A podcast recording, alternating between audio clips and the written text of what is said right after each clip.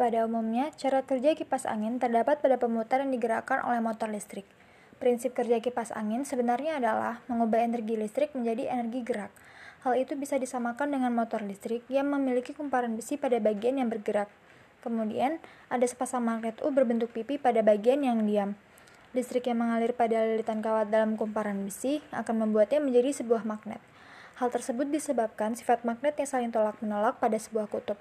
Lalu gaya tolak menolak magnet antara kumparan besi membuat gaya berputar secara periodik pada kumparan besi tersebut.